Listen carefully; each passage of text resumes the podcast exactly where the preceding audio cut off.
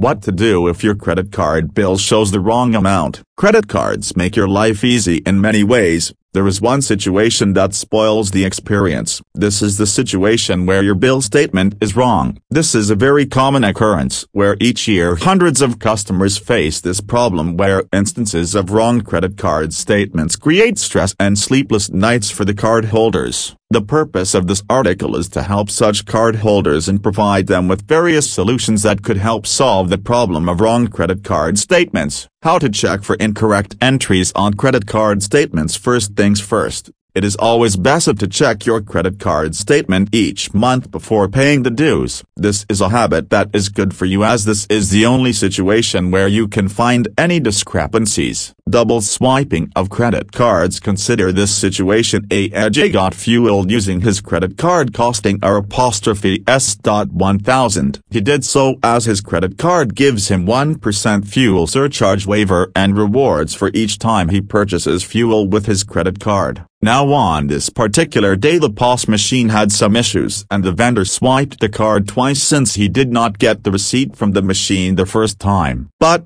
Ajay got alert messages twice for the same transaction. Now Ajay has two options Option 1, directly talk to the merchant at once and request him, her to revert the payment or pay the money in cash Option 2, if the merchant does not agree to Ajay's request, then he needs to contact the bank who will send the transaction for reversal to the merchant who will have to revert it. Unauthorized transactions Any transaction that was not authorized by you or if you had given the card to anyone then these transactions can be disputed. This includes fraudulent transactions and double credit card swipes etc. Credit card statement mismatch If the receipt you have and the credit card statement do not match you can dispute the transactions in that case. You need to be very careful and go through every receipt before coming to this conclusion and disputing your transactions in case of emergencies when a credit card is used to withdraw cash from an ATM. There is a possibility that this can be misreported on your credit card bill statement this too can be disputed. Debiting post-cancellation If the credit card amount is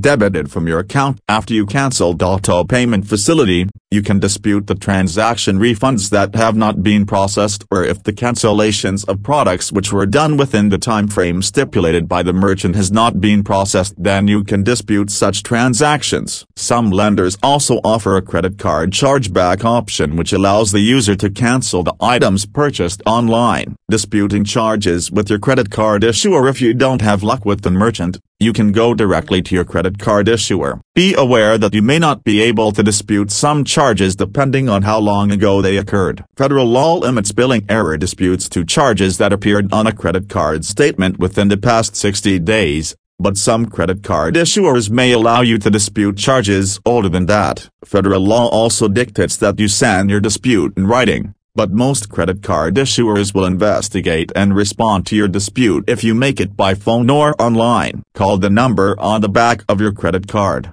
log into your online account, or send a dispute letter to your credit card issuer. Sending copies of any receipts or documentation supporting your claim will help you resolve the issue quickly.